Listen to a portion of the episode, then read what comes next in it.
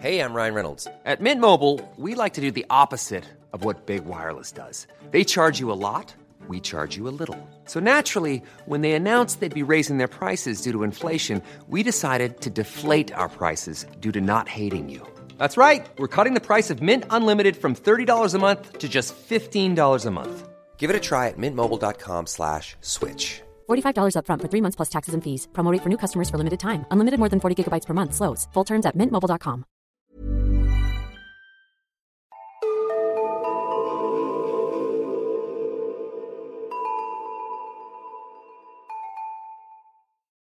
Hej och välkomna till Nära ögat, en true crime-podd för mesar. Mitt namn är Alexandra Kensdottir.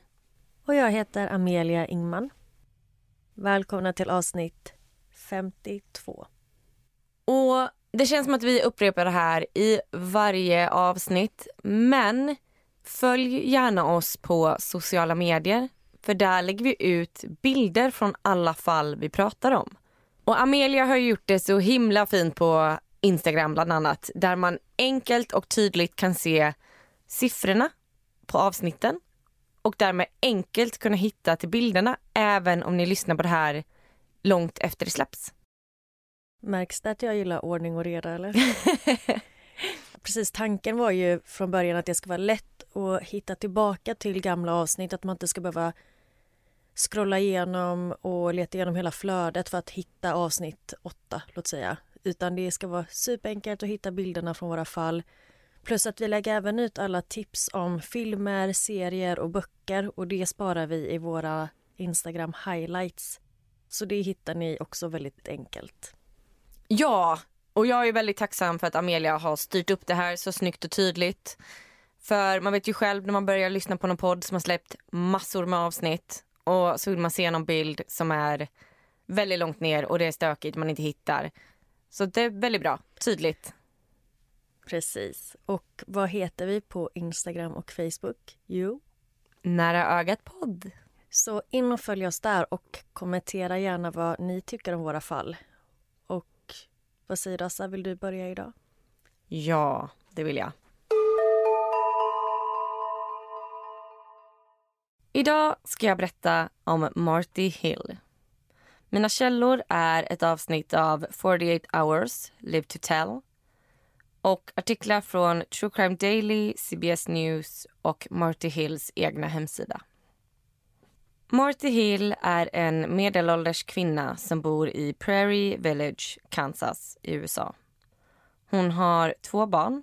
Steven, som är runt 20 och har flyttat hemifrån och Mackenzie, som är 15. Hon är ensamstående då hon och barnens pappa Steve skilt sig några år tidigare.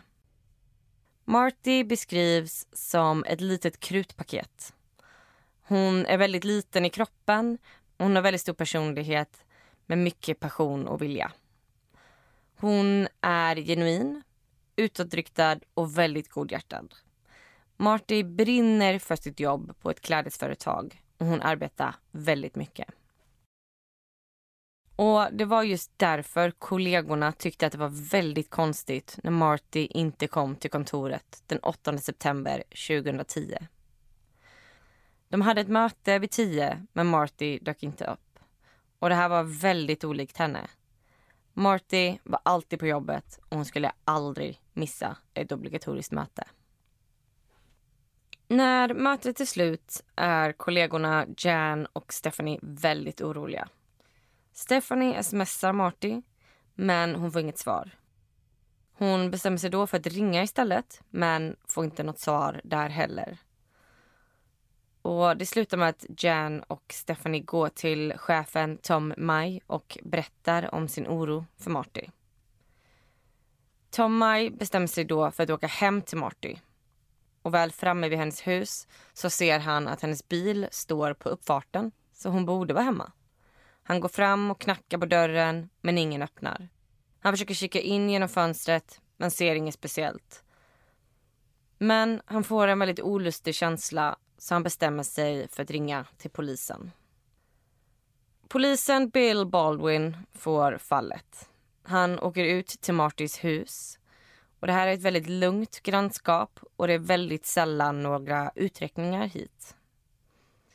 Han kommer fram till huset och plingar på. Men ingen öppnar.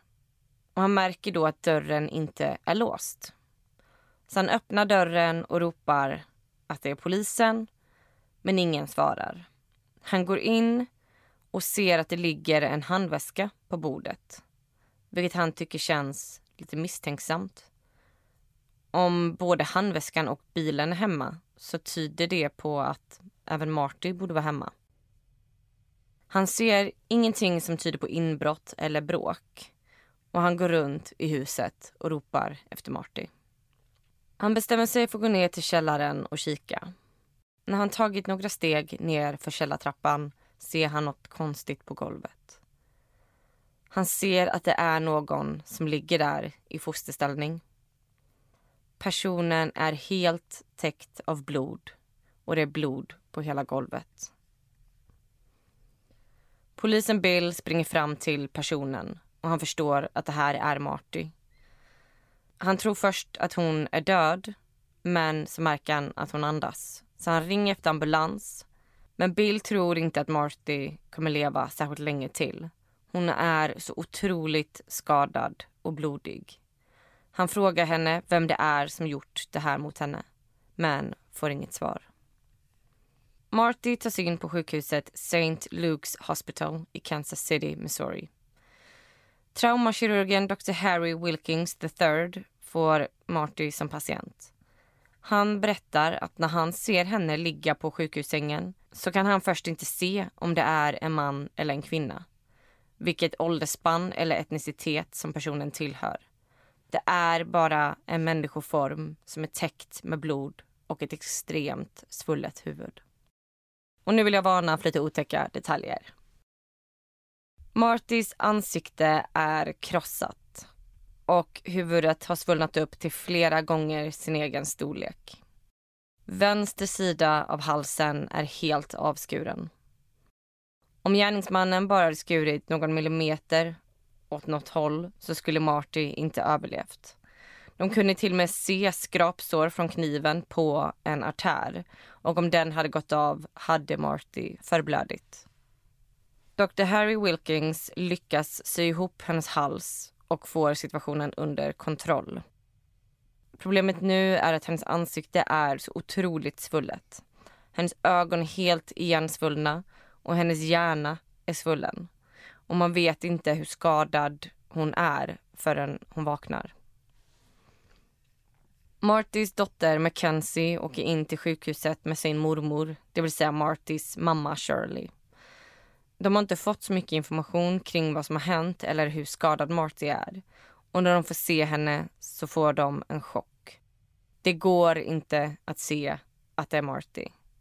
Mackenzie berättar att det enda hon kunde känna igen på sin mamma var hennes händer. Nu ska jag visa bilder för Amelia här. Jag gillar inte när du säger det. För varje gång så är de så himla otäcka. Ja, jag vet. Men här vill jag bara att man ska förstå hur otroligt skadad Marty är. Så först ska jag visa en bild på hur Marty ser ut i vanliga fall. Mm. Och nu så scrollar jag ner till hur hennes huvud ser ut Oj. när hon hittades. Ja. Det, det räcker, tack. Det går inte att se att det är samma person. Nej, hon är extremt svullen. Det är jättesvårt att urskilja hennes ansiktsdrag. Ja, nej, det är jättesvårt att se att det är hon. Mm. Mackenzie blir förkrossad över vad som har hänt. Hon och Marty brukade bråka en hel del. Så klassisk tonåring mamma-relation. Men när hennes mamma ligger där nu och är så otroligt hjälplös så ber Mackenzie till Gud att mamma ska överleva. Hon viskar till henne att hon lovar att aldrig igen göra eller säga något dumt. Bara hon vaknar. Sonen Steven reagerar genom att bli arg. Han kan inte förstå vem det är som har gjort så här mot sin mamma. Han flyger såklart hem och han blir också den som tar på sig att städa huset. Han vill inte släppa in någon annan i huset utan han är den som själv skrubbar rent källaren från allt blod. Kommissarie Luke Roth börjar nu undersöka fallet. De behöver hitta gärningsmannen. Och för att göra det så börjar de kolla om de kan hitta något slags motiv. Och när läkarna undersökte Marty så såg de att hennes underkläder fortfarande var helt intakta och att inget sexuellt våld hade skett. Så då kunde man utesluta det. De kunde också se att hon inte har blivit rånad då ingenting saknades från hemmet. Och hennes handväska med plånbok och pengar i stod ju öppet på köksbordet. Kommissarie Luke börjar nu utreda vilka personer som finns i Martys närhet. Om någon av dem kan ha något med det här att göra. Polisen börjar med att undersöka exmaken Steve. Mackenzie blir genast väldigt defensiv och arg över att polisen ens kan misstänka Steve. Men Steve själv förstår och pratar givetvis med polisen. Han berättar att det var stormigt runt deras skilsmässa för några år sedan men att de nu kommit över det och att de idag har en bra relation.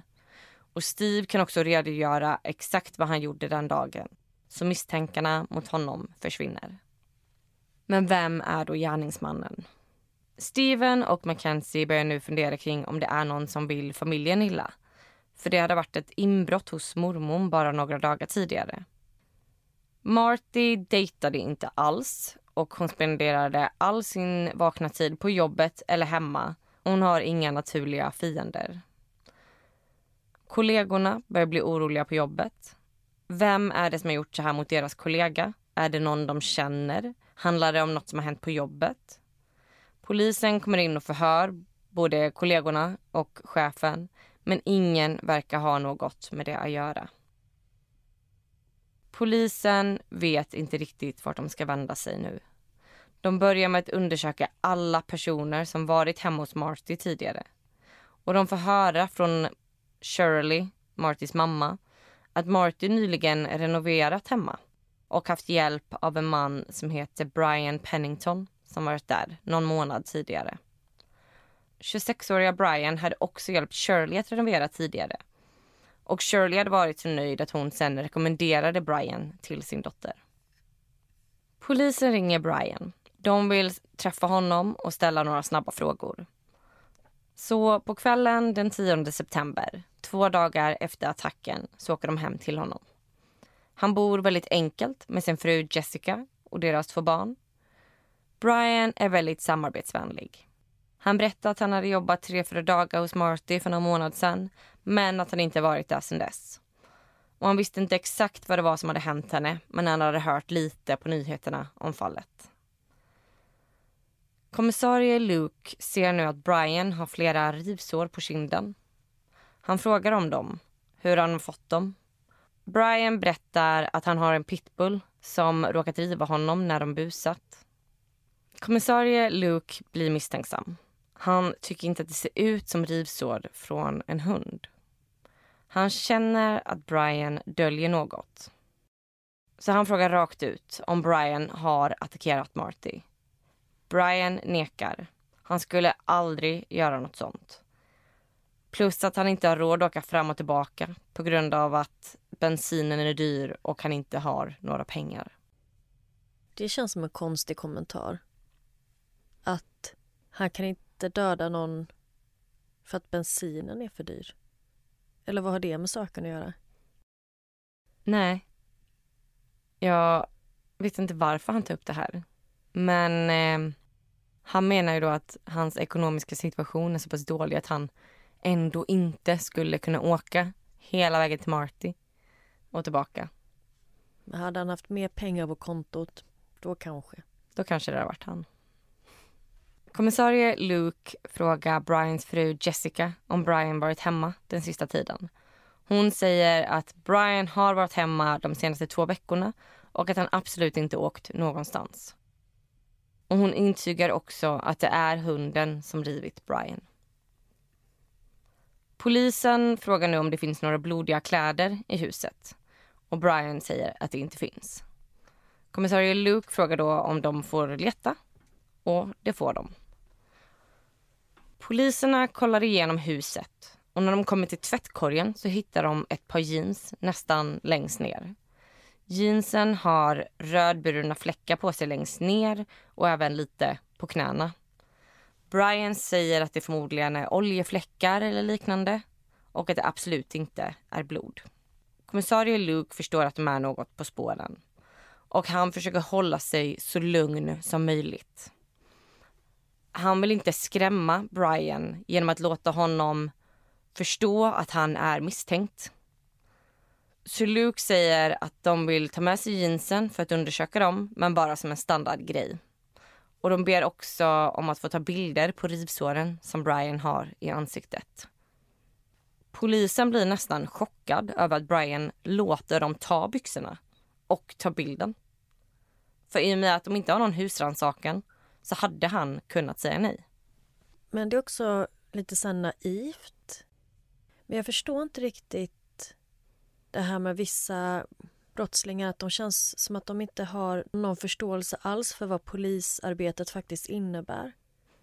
Nej, och han kanske fixar en härlig vibe av poliserna. Men också tror han att de på riktigt inte skulle hitta byxorna i en tvättkorg. Varför låter han dem ens leta igenom huset? För nu utgår jag ju från att han faktiskt har blod på byxorna men Mm. ja, det känns bara så naivt. Mm. Jag håller med. Och polisen skickar ju jeansen till ett labb som konstaterar att det är blod. Så då skickar de också iväg dem för att se om DNA stämmer överens med Martys. Men det ska ta några dagar innan de får svar.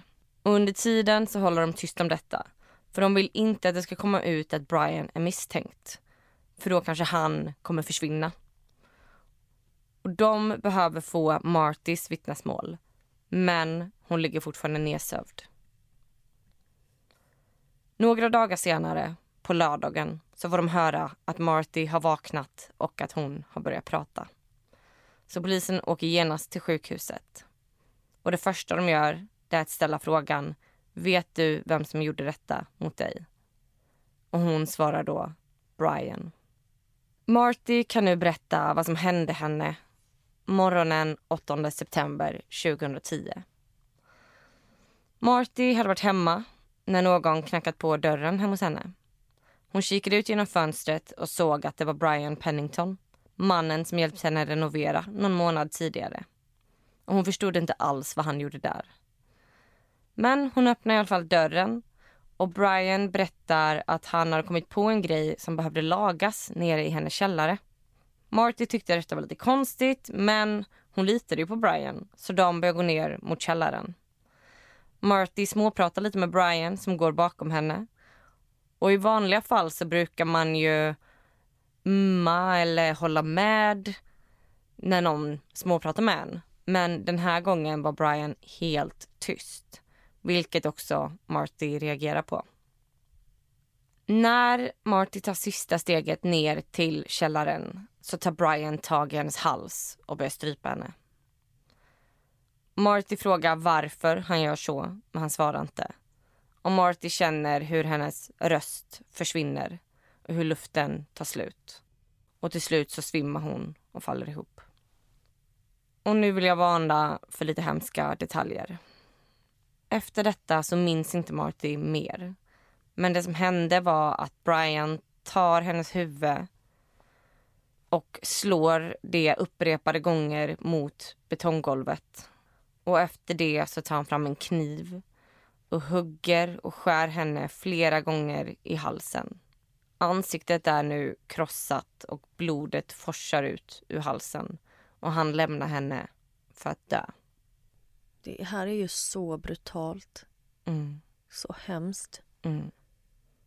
Men låter som en helt oprovocerad attack. Mm. De hade ingen relation tidigare. Nej, han har bara varit där och renoverat någon månad tidigare. Har han gett någon förklaring kring varför? Nej. Ja, det är så svårt att förstå när det är såna här oprovocerade attacker som helt verkar sakna motiv. Det fanns ingen kärleksrelation mellan dem. det var ingenting att han skulle sno pengar av henne. Utan han bara åkte dit helt random och attackerade henne. Hon var inte skyldig pengar, det var liksom ingenting sånt. Nej. Och han hade i så fall kunnat ta pengar. Alltså det fattades ingenting från hennes hus. Nej. Nej, svårt att förstå. Mm. Och polisen gör nu en bakgrundskoll. Brian har över 60 prickar i registret. Han har vid flera tillfällen varit i kontakt med polisen på grund av våld i hemmet. Både med tidigare flickvänner men även med sin nuvarande fru Jessica. När Shirley, Martys mamma, får reda på att det är Brian så faller hon ihop. För det var ju hon som hade rekommenderat Marty att anlita Brian. Och Shirley känner ju Brian. Hon känner även hans fru och deras barn. Och hon kan inte förstå hur han kan göra en sån här fruktansvärt ond handling mot Marty. Marty har en lång rehabiliteringsperiod framför sig. Hon har nu nedsatt syn och hörsel och hon har svårt att gå. Hon måste lära sig att göra allt igen. När dottern Mackenzie fyller 16 så skriver Marty ett kort till henne. Och Martys handstil är som ett barns. Och på grund av de hårda slagen mot huvudet och att hennes hjärna varit svullen så har Marty väldigt svårt att fokusera. Hon har väldigt stora problem med minnet och att hålla sig till ett ämne. Och detta är något som oroar både Marty och hennes advokat inför att Marty ska vittna i domstol. 17 maj 2011 är det dags för en slags förrättegång eller en pre-trial som det heter på engelska. Och det är någonting som hålls innan den riktiga rättegången med en jury hålls. När Brian sitter inne i rättssalen verkar han oberörd. Han stirrar rakt fram. Och den enda gången som han vänder blicken är när Marty kommer in i salen. Han ser ut som han sett ett spöke. Han var nog helt säker på att Marty var död när han lämnade henne i källaren den morgonen. Vadå, så han visste inte att hon hade överlevt? Jo, han hade fått reda på det när polisen förhörde honom. Okej, så att han var bara chockad över att se henne. Det var inte det att han trodde att hon var död. Nej, precis. Han var, han var bara chockad över att se henne gå in i rättssalen. Okej. Martys mamma Shirley tyckte att det var fruktansvärt jobbigt att se Brian. Och hon berättar att Brian inte hade en enda person på sin sida under den här domstolsförhandlingen. Inte ens hans mamma kom dit. Marty tycker att det är fruktansvärt jobbigt att vittna. Och att behöva möta Brian igen var otroligt skrämmande. Och även om Marty hade haft otroliga problem med både minne och att hålla sig till ämnet så lyckades hon föra fram hela sitt vittnesmål samt peka ut Brian där och då i salen. Jessica, Brians fru, fick också vittna. Hon hade ju gått i god för att han hade varit hemma hela den där tiden.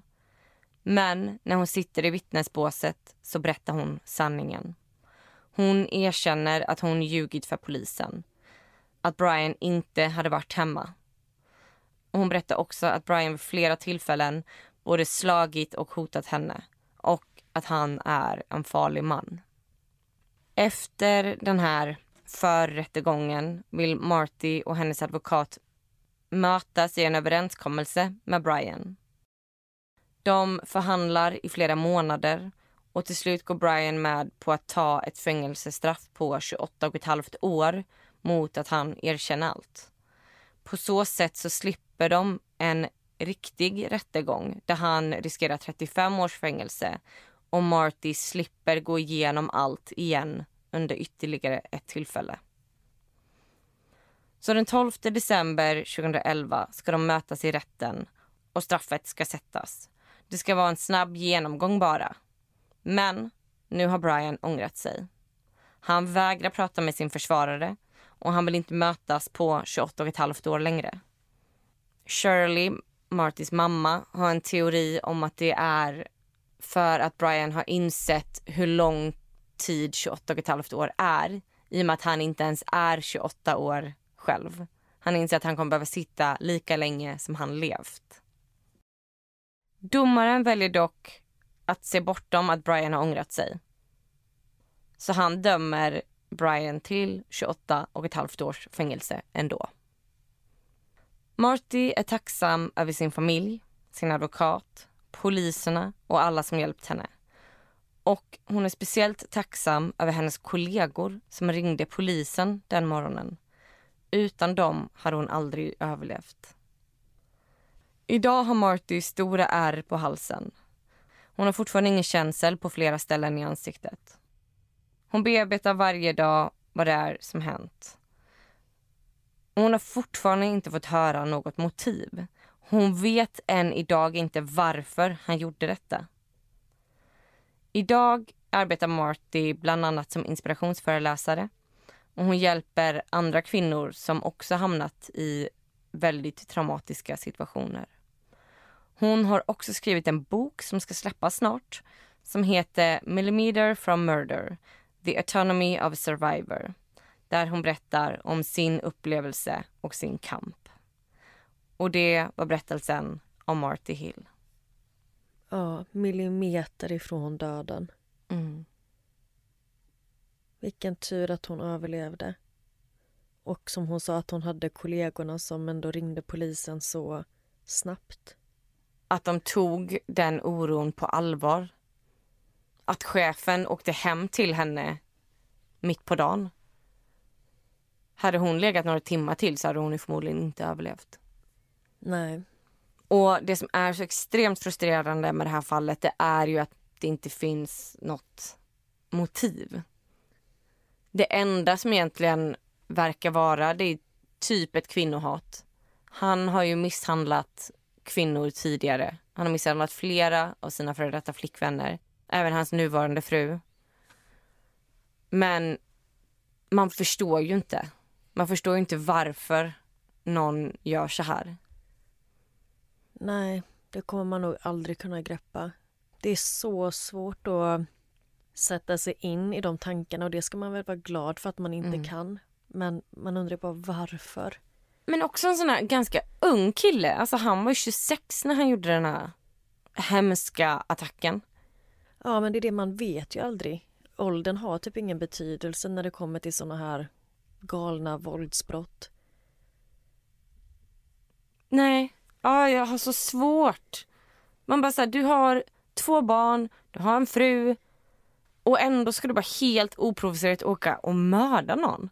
Eller försöka mörda någon. Tack och lov så överlevde ju Marty. Och man blir ju väldigt glad över polisarbetet i det här fallet.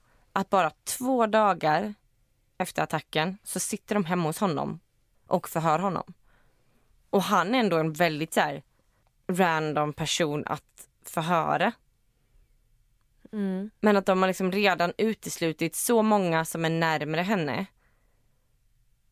Att de tar den här personen som var hemma hos henne för någon månad sedan. Ja, det är ändå bra jobbat. Mm. Det var ju verkligen också till hennes fördel att hon inte verkar ha ett så stort socialt liv. Att det gjorde ju polisarbetet kanske lite enklare och det fick ju dem kanske att hitta Brian snabbare. Ja, i och med att hon inte dejtade alls. Hon hade inte jättemycket hobbys utanför sitt jobb. Och var hon ledig så tyckte hon bara om att vara hemma. Det gjorde ju att det gick snabbare att hitta Brian. Mm. Så tips, sluta, gör saker på er fritid. Var hemma. Så skönt. Ja. Men ja, tack för ett jättespännande fall. Ja, och nu ska jag ta och luta mig tillbaka och lyssna på dig. I'm Sandra, and I'm just the professional your small business was looking for. But you didn't hire me because you didn't use LinkedIn jobs. LinkedIn has professionals you can't find anywhere else, including those who aren't actively looking for a new job but might be open to the perfect role, like me. In a given month, over 70% of LinkedIn users don't visit other leading job sites. So if you're not looking on LinkedIn, you'll miss out on great candidates like Sandra. Start hiring professionals like a professional. Post your free job on linkedin.com/people today. Burrow's furniture is built for the way you live. From ensuring easy assembly and disassembly to honoring highly requested new colors for their award-winning seating, they always have their customers in mind. Their modular seating is made out of durable materials to last and grow with you. And with Burrow, you always get fast, free shipping. Get up to 60% off during Burrow's Memorial Day sale at burrow.com slash ACAST. That's burrow.com slash ACAST. burrow.com slash ACAST.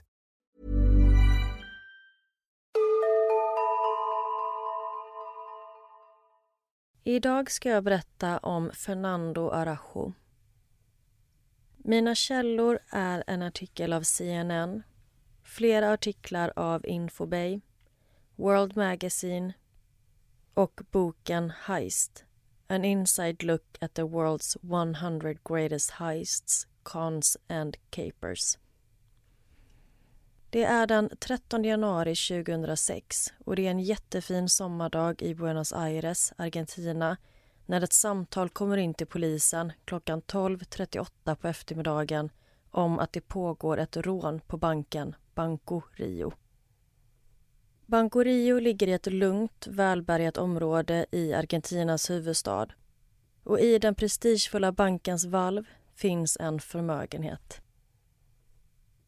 Polisen kommer till platsen och upptäcker att inne i banken finns fyra rånare och över 20 stycken gisslan. De säkrar området och övervakar de enda två möjliga utgångarna från banken. Polisen inleder en förhandling med gisslantagarna och den här förhandlingen pågår under större delen av eftermiddagen. Men så blir det helt plötsligt helt tyst från bankrånarna. Vid sjutiden på kvällen bryter sig polisen in på Banco Rio och upptäcker en förvirrande scen. Alla gisslan är vid liv och mår bra. Nästintill alla 150 bankfack och värdeskåp var öppnade med våld och tömda på dess innehåll och bankrånarna är helt försvunna. De hittar inga tecken eller spår efter tjuvarna, inga fönster är krossade och utgångarna har vaktats av polis hela tiden. Alla ställer sig frågan hur kom tjuvarna undan med vad som kommer att bli känt som århundradets bankrån? Hur kunde de bara försvinna trots att banken övervakades av över hundra poliser? Det här låter som en film. Mm, det gör det verkligen. Så spännande. Banco Rio, numera känd som Banco Santander Rio var en av Argentinas ledande finansiella institutioner med förgreningar över hela landet. En av dessa förgreningar ligger i ett lugnt, rikt område som heter San Isidro som är en förort norr om Buenos Aires. San Isidro är som sagt ett väldigt välbärgat område och där finns två golfbanor, en segelklubb och en jockeyklubb. Det var inte helt främmande med bankrån i Argentina under den här tiden. Och några år tidigare så hade ett ökänt bankrån ägt rum som folk över hela landet känner till. Och det här bankrånet från 1999 ska ha inspirerat rånet i Banco Rio 2006. 1999 hade ett gäng rånare tagit sig in på en bank i Ramayo i Argentina och de hade tagit flera gisslan för att sen kunna förhandla med polisen om sin frihet. Bankrånarna hade sedan försökt lämna banken genom att använda sig av deras gisslan som en mänsklig sköld. Men det slutade med att polisen öppnade eld vilket ledde till att tre människor miste livet. Och Det här tragiska eventet var såklart en mardröm för polisen men vad som gjorde det hela ännu värre det var att många nyhetskanaler hade livesänt gisslandramat på tv. Så de flesta argentiner hade sett både bankrånet men också dödsskjutningarna i realtid. Detta chockade hela landet och som ett resultat av bankrånet i Ramayo 1999 så var polisen under bankrånet i San Isidro 2006 mycket mer motvilliga att ta till drastiska åtgärder när de kom till platsen och bankrånet var i full gång. Den här varma januaridagen så var det ännu mer nyhetskameror på plats. Så polisen var noga med att agera så försiktigt som möjligt. Och det var heller inte någon brådska, för polisen tror att bankrånarna är fast där inne. Det finns som sagt över hundra poliser på platsen. De har banken helt omringad och det finns ingen vinkel av banken som inte är täckt av antingen en reporter eller en polis. Och det finns ingenstans för dem att rymma. En av rånarna inne i banken har kodnamnet Walter och han förhandlar med polisen om att eventuellt låta gisslan gå. Efter ett tag så låter rånarna bankens säkerhetsvakt lämna byggnaden oskadd. Sen en ung man och efter det en ung kvinna.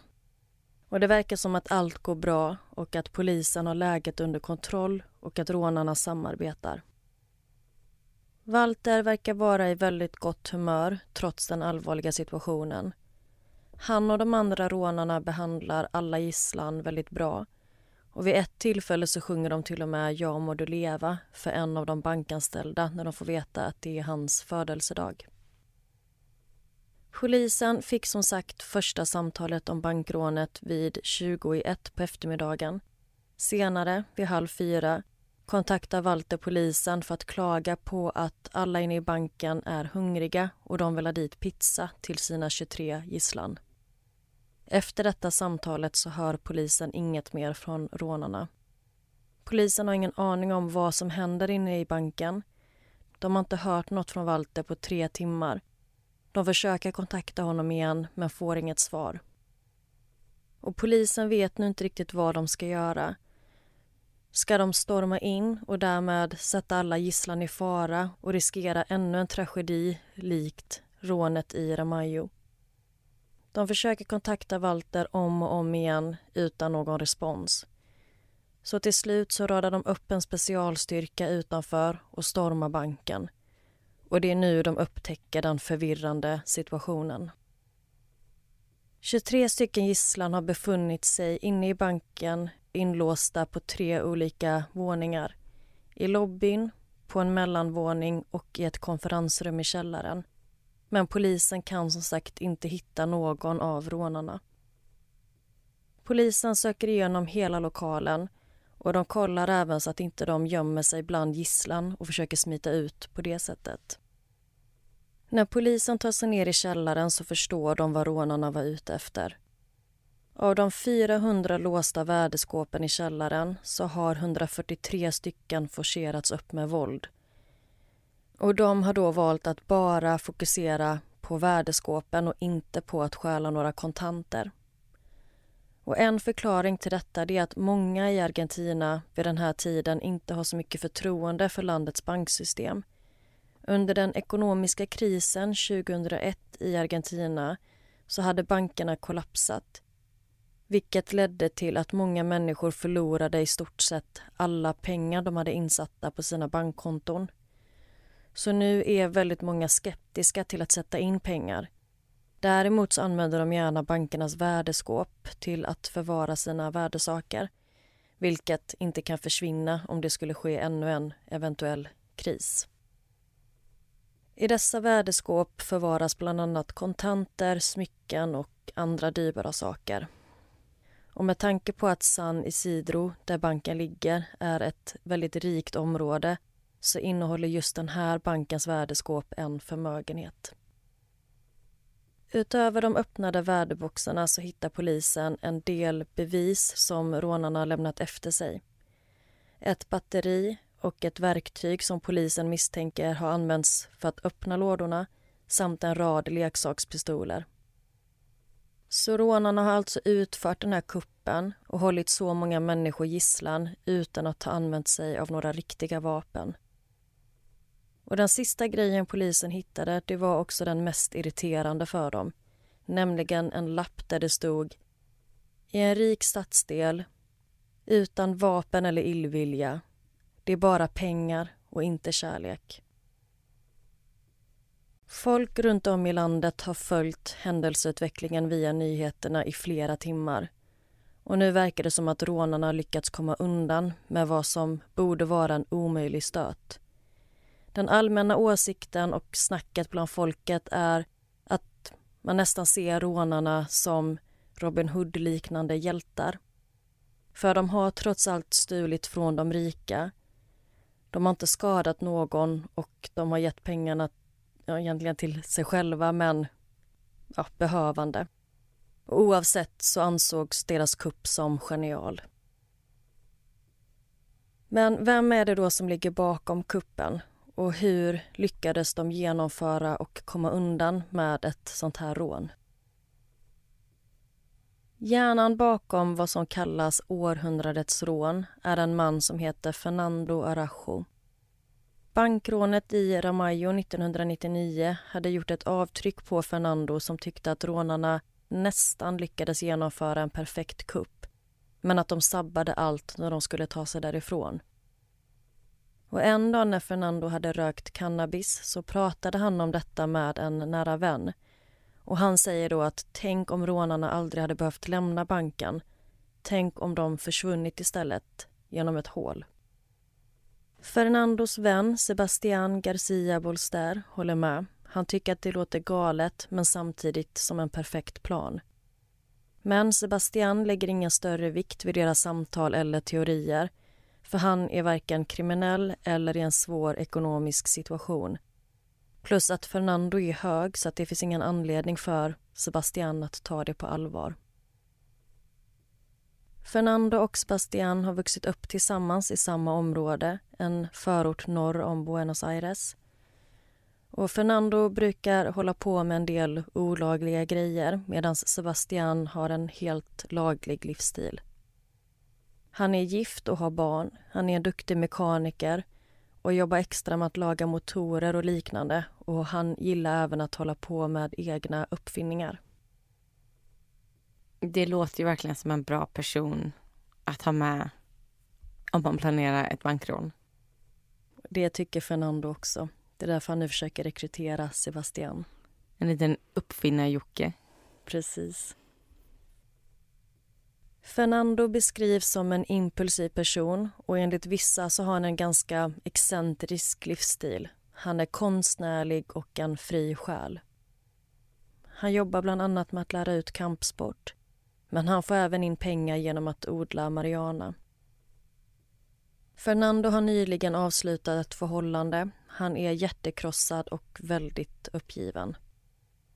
Så han bestämmer sig för att han måste avlägsna den yttre världen från sitt personliga space. Så han täcker för alla fönster i sin lägenhet.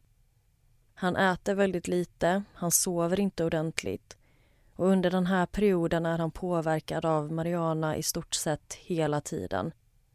Han får inte i sig tillräckligt med näring och han har sömnbrist vilket leder till att han får för sig allt konstigare och konstigare idéer och kan bli helt besatt av bankrån. Fernando börjar titta på allt som handlar om bankrån. Filmer, tv-serier och dokumentärer. Hans mål är att observera alla de misstag som andra fiktiva och verkliga bankrånare har gjort och sen använda den här informationen för att planera den perfekta stöten. Fernando kommer till sist på den perfekta planen och nu behöver han hjälp av sin vän Sebastians tekniska och mekaniska kunskap. Sebastian är inte jättetaggad på den här idén och han är medveten om att banker är mycket svårare att bryta sig in i än vad folk tror eftersom han har tidigare jobbat på en bank.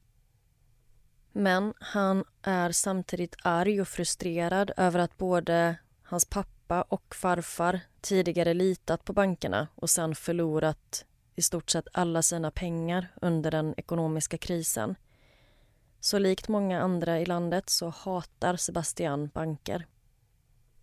När Fernando försäkrar Sebastian om att ingen kommer att bli skadad och att de inte ens kommer använda sig av riktiga vapen så går Sebastian med på planen och de börjar arbeta på att förverkliga den. I Buenos Aires finns det massvis av storm drains, eller avloppsbrunnar som går under marken runt om i staden och leder ut till en flod. Planen är att de ska ta sig in i en avloppstunnel som leder förbi i närheten av banken och sen gräva en tunnel som leder in till själva banken. Att komma undan bankens larmsystem som är igång nattetid är en stor utmaning och mycket svårare än att gräva själva tunneln. Så därför kommer de utföra rånet under dagtid för att inte riskera att utlösa larmet. Så de ska ta sig in till värdeskåpen i källaren när banken är öppen men då även full av människor. Och hur ska de då ta sig in i bankvalvet utan att dra uppmärksamhet till sig och bli påkomna när de tömmer boxarna? Jo, de ska iscensätta ett fejkat bankrån på entréplan för att täcka det faktiska rånet i källaren. Fernando och Sebastian börjar nu sätta ihop ett crew av erfarna rånare, finansiärer och tjuvar som de behöver för att utföra kuppen. Lite Oceans Eleven-vibe. Ja men verkligen, det här känns som en sån klassisk bankrånsfilm typ. Mm. Man ser ju alla de här roliga karaktärerna som alla har sin egen personlighet och sina egna skills bli upplockade. Ja, det är lite så det går till med. De väljer ut människor med olika styrkor för att utföra olika delar av planen. En bra rekrytering. Mm. De rekryterar en erfaren bankrånare som heter och hans medarbetare Ruben Alberto de la Torre, också kallad Beto. De var tidigare medlemmar i en känd beväpnad bankrånarliga i Argentina som kallades för Superbanda. De får även med sig en chaufför som ska köra flyktbilen och han heter Julian Salucheveria.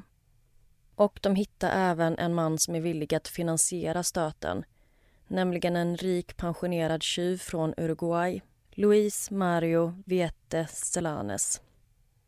Och han investerar 100 000 dollar.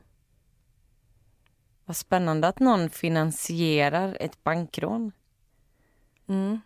Men de behöver de här pengarna för alla inköp och för att kunna förverkliga vissa delar av planen. Mm, är det då att den här finansiären får typ tio gånger pengarna sen? Eller? Ja, om jag förstår den här rolluppdelningen så är han också väldigt aktivt med under rånet också. Mm.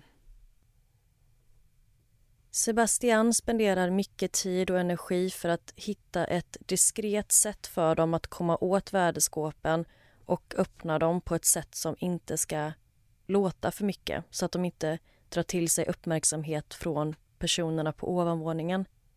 Men han behöver studera värdeskåpen för att förfina planen.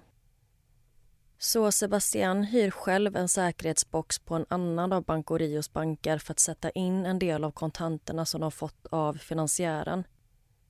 Och när han besöker den här banken så antecknar han märket på värdeboxarna och sen beställer han hem flera till sig själv från samma leverantör så han då kan öva på dem och lista ut hur man bäst öppnar dem.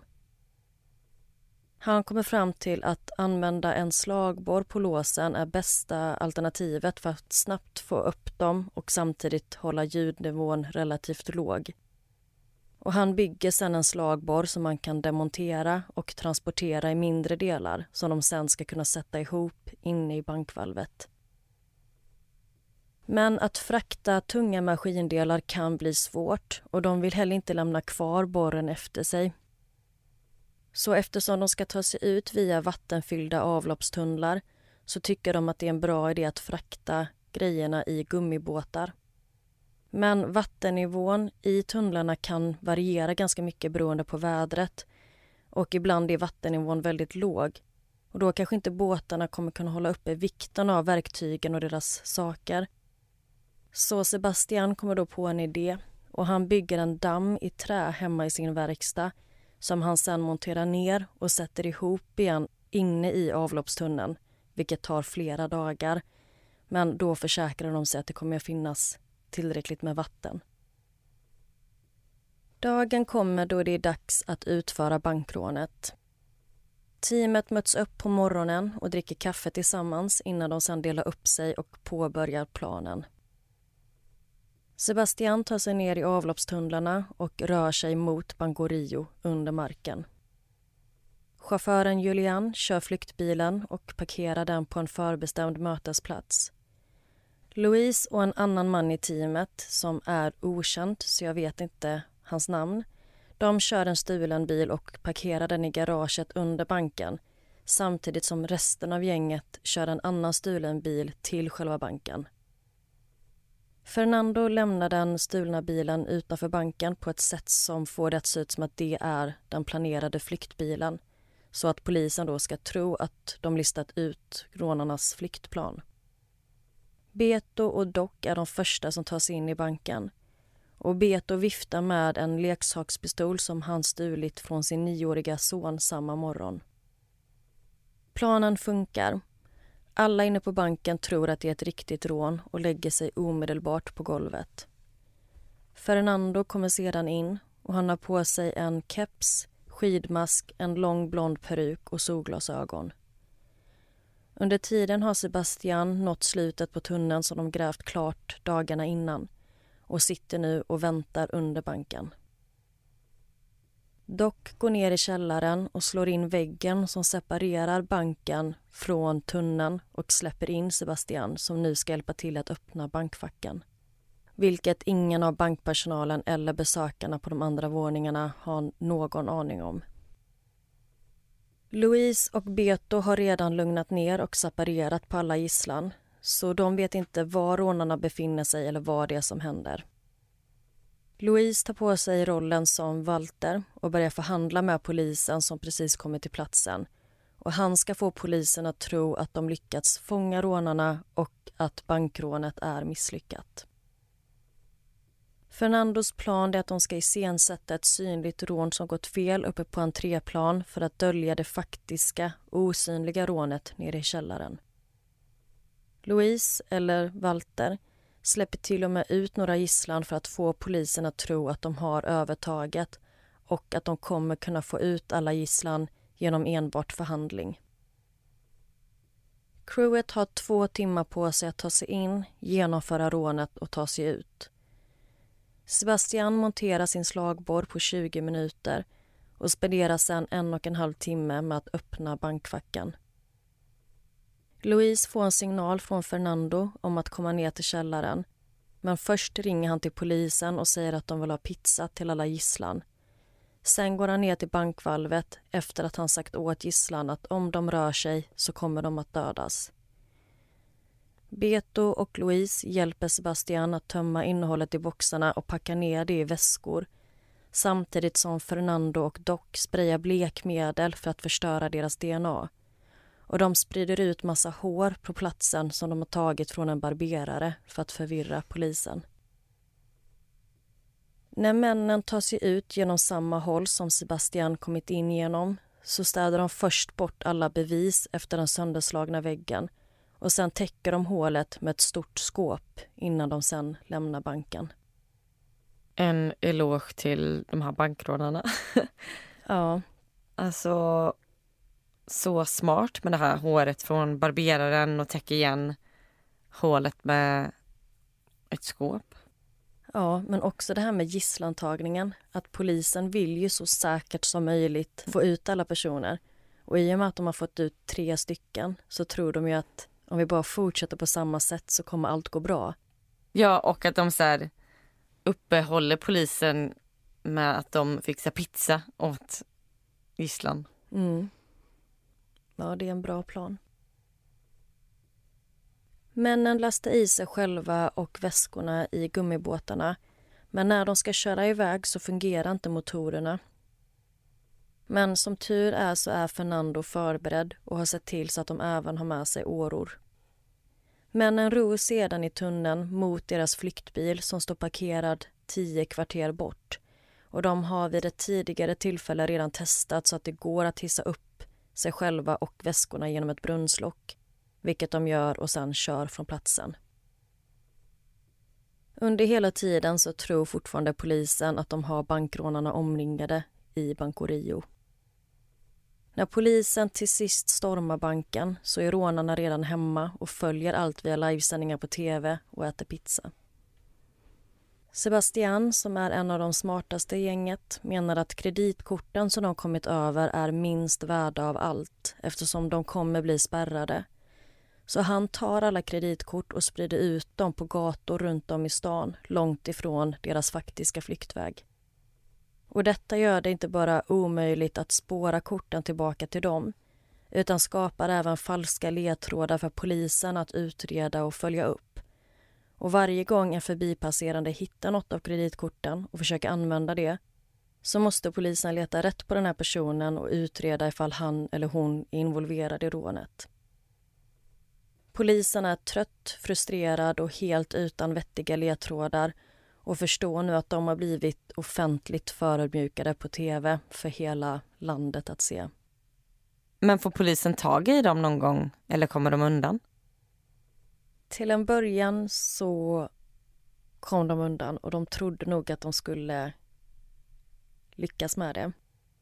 Men en av männen gjorde en tabbe. Inte Sebastian. Nej, inte Sebastian. När Beto kom hem med massa pengar så kunde inte han låta bli att skryta för sin fru Alicia om att han och hans vänner rånat Banco Rio.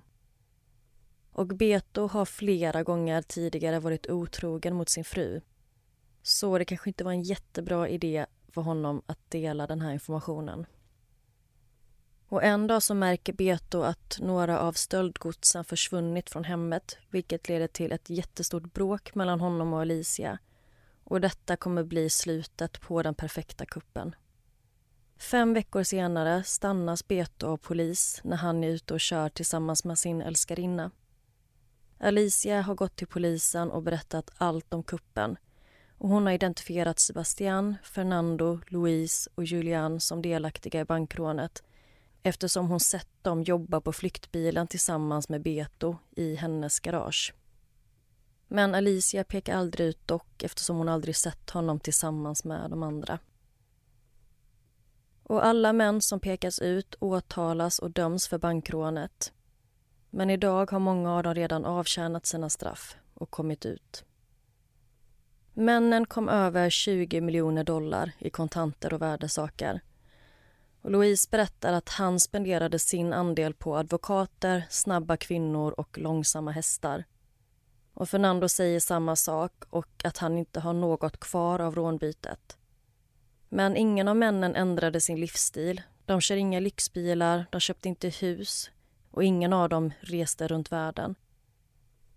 Och polisen ägnade sig heller inte jättemycket åt att spåra bytet eftersom banken ordnade med allt för alla offer.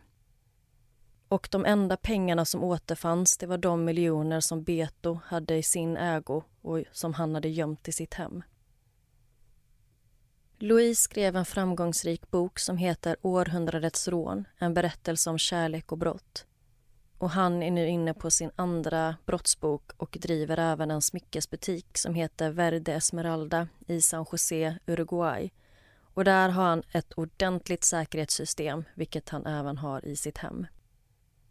Louise definierar sig nu som familjefar, juvelerare, urmakare och författare. Och även om man erkänner att han har haft ett ganska stort ego så känner han att han inte längre behöver rampljuset. Han lyckades bli den mest kända tjuven i Argentina.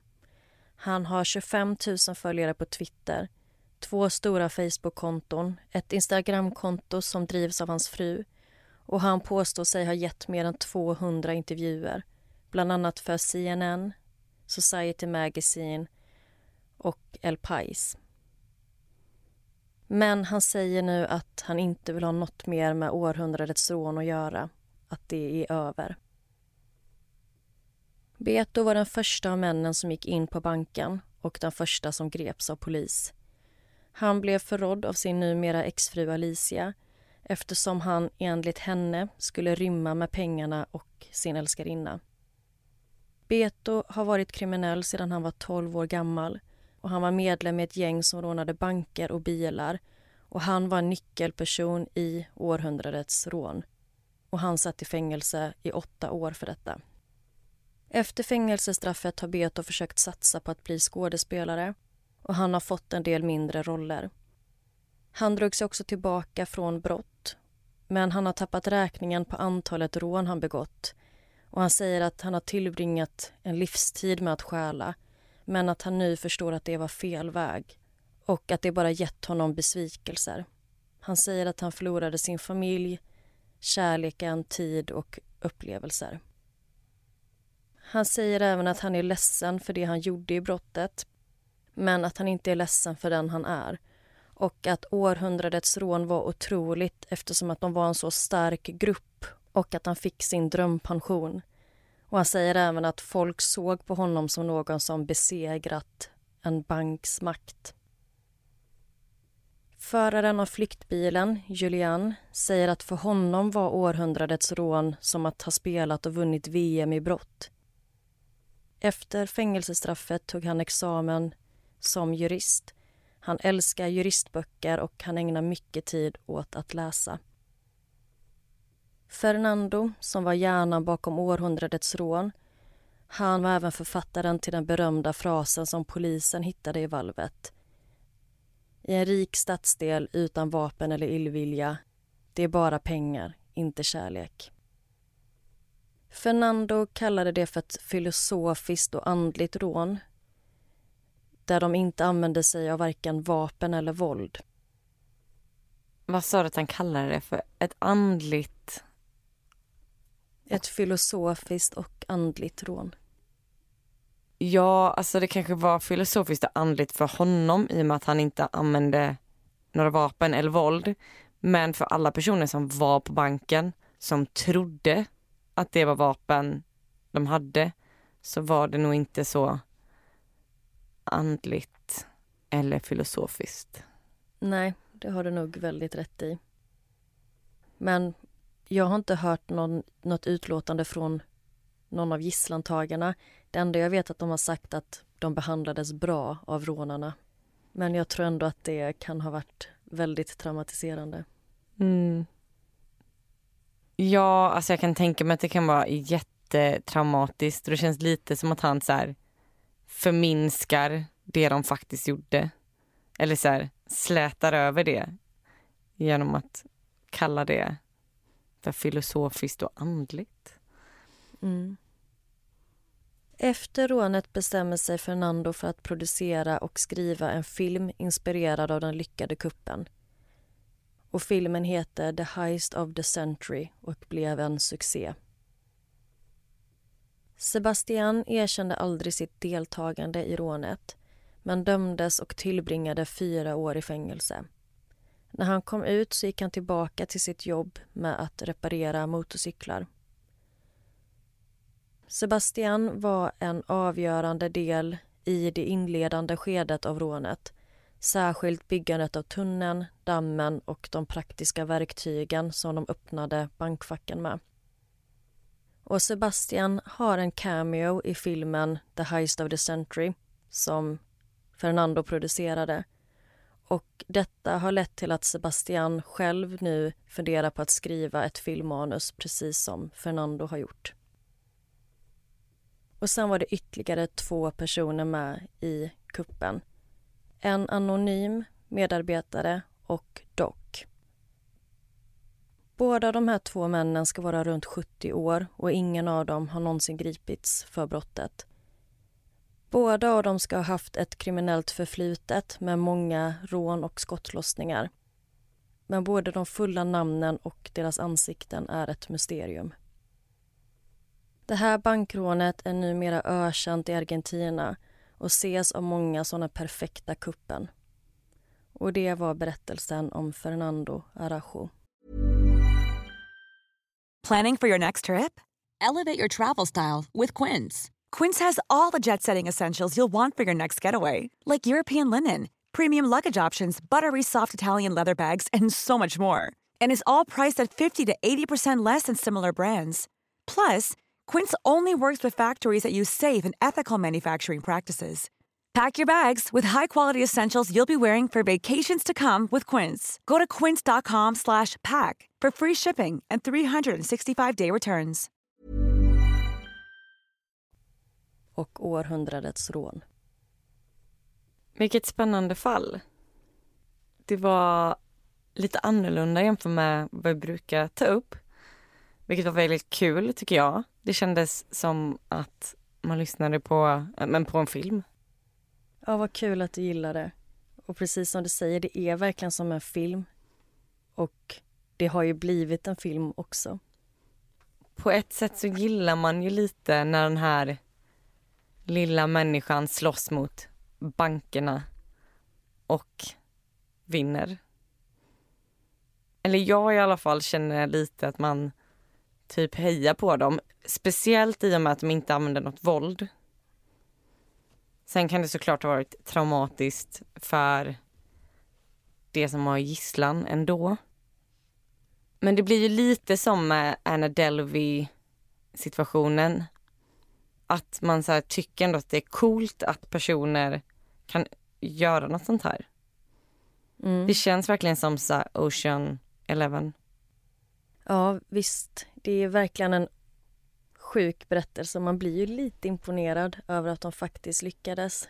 Och om det inte vore för Beto så hade de nog kunnat komma undan med det. Men det som är nice med att Beto eh, råkar försäga sig, det är också att det här kom ut. Att man fick höra hela historien. Och att de sen då kunde skriva ett filmmanus och böcker om det. För annars kanske inte de någonsin hade gått ut med det. Såklart, om de inte hade åkt fast. Nej, visst är det så. Och alla av dem har ju verkligen lämnat, eller de säger i alla fall att de har lämnat den här livsstilen bakom sig. Och det är väldigt kul att så många har kommit in i filmbranschen. Och jag kanske glömde säga det innan, men både Beto och Sebastian är ju med i Fernandos film om rånet. Jaha. Och de har inte stora roller, det är bara så cameos, men de är ändå med. Och det har gett båda två mer smak för filmbranschen. Och sen men så har jag varit lite osäker på antalet inblandade. Och de källorna som jag har använt mig av har gett lite blandad information så det har varit lite förvirrande gällande vem som har haft vilket uppdrag och hur många som faktiskt var inblandade i den här stöten. Mm. Nu kanske inte man ska ha någon favorit när det kommer till ett bankrån. Men det känns ju som att de hade inte kommit så långt utan Sebastian. Nej, men tittar man på filmen så är det Louise som har den största rollen efter Fernando.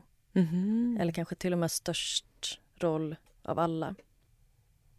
Så ja, om ni är nyfikna på det här fallet så kan jag absolut rekommendera Fernandos film The Heist of the Century.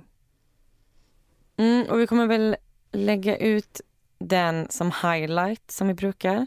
Det kommer vi göra. På vår Instagram där vi heter Nära ögat podd och det heter vi också på Facebook. Så in och kika där.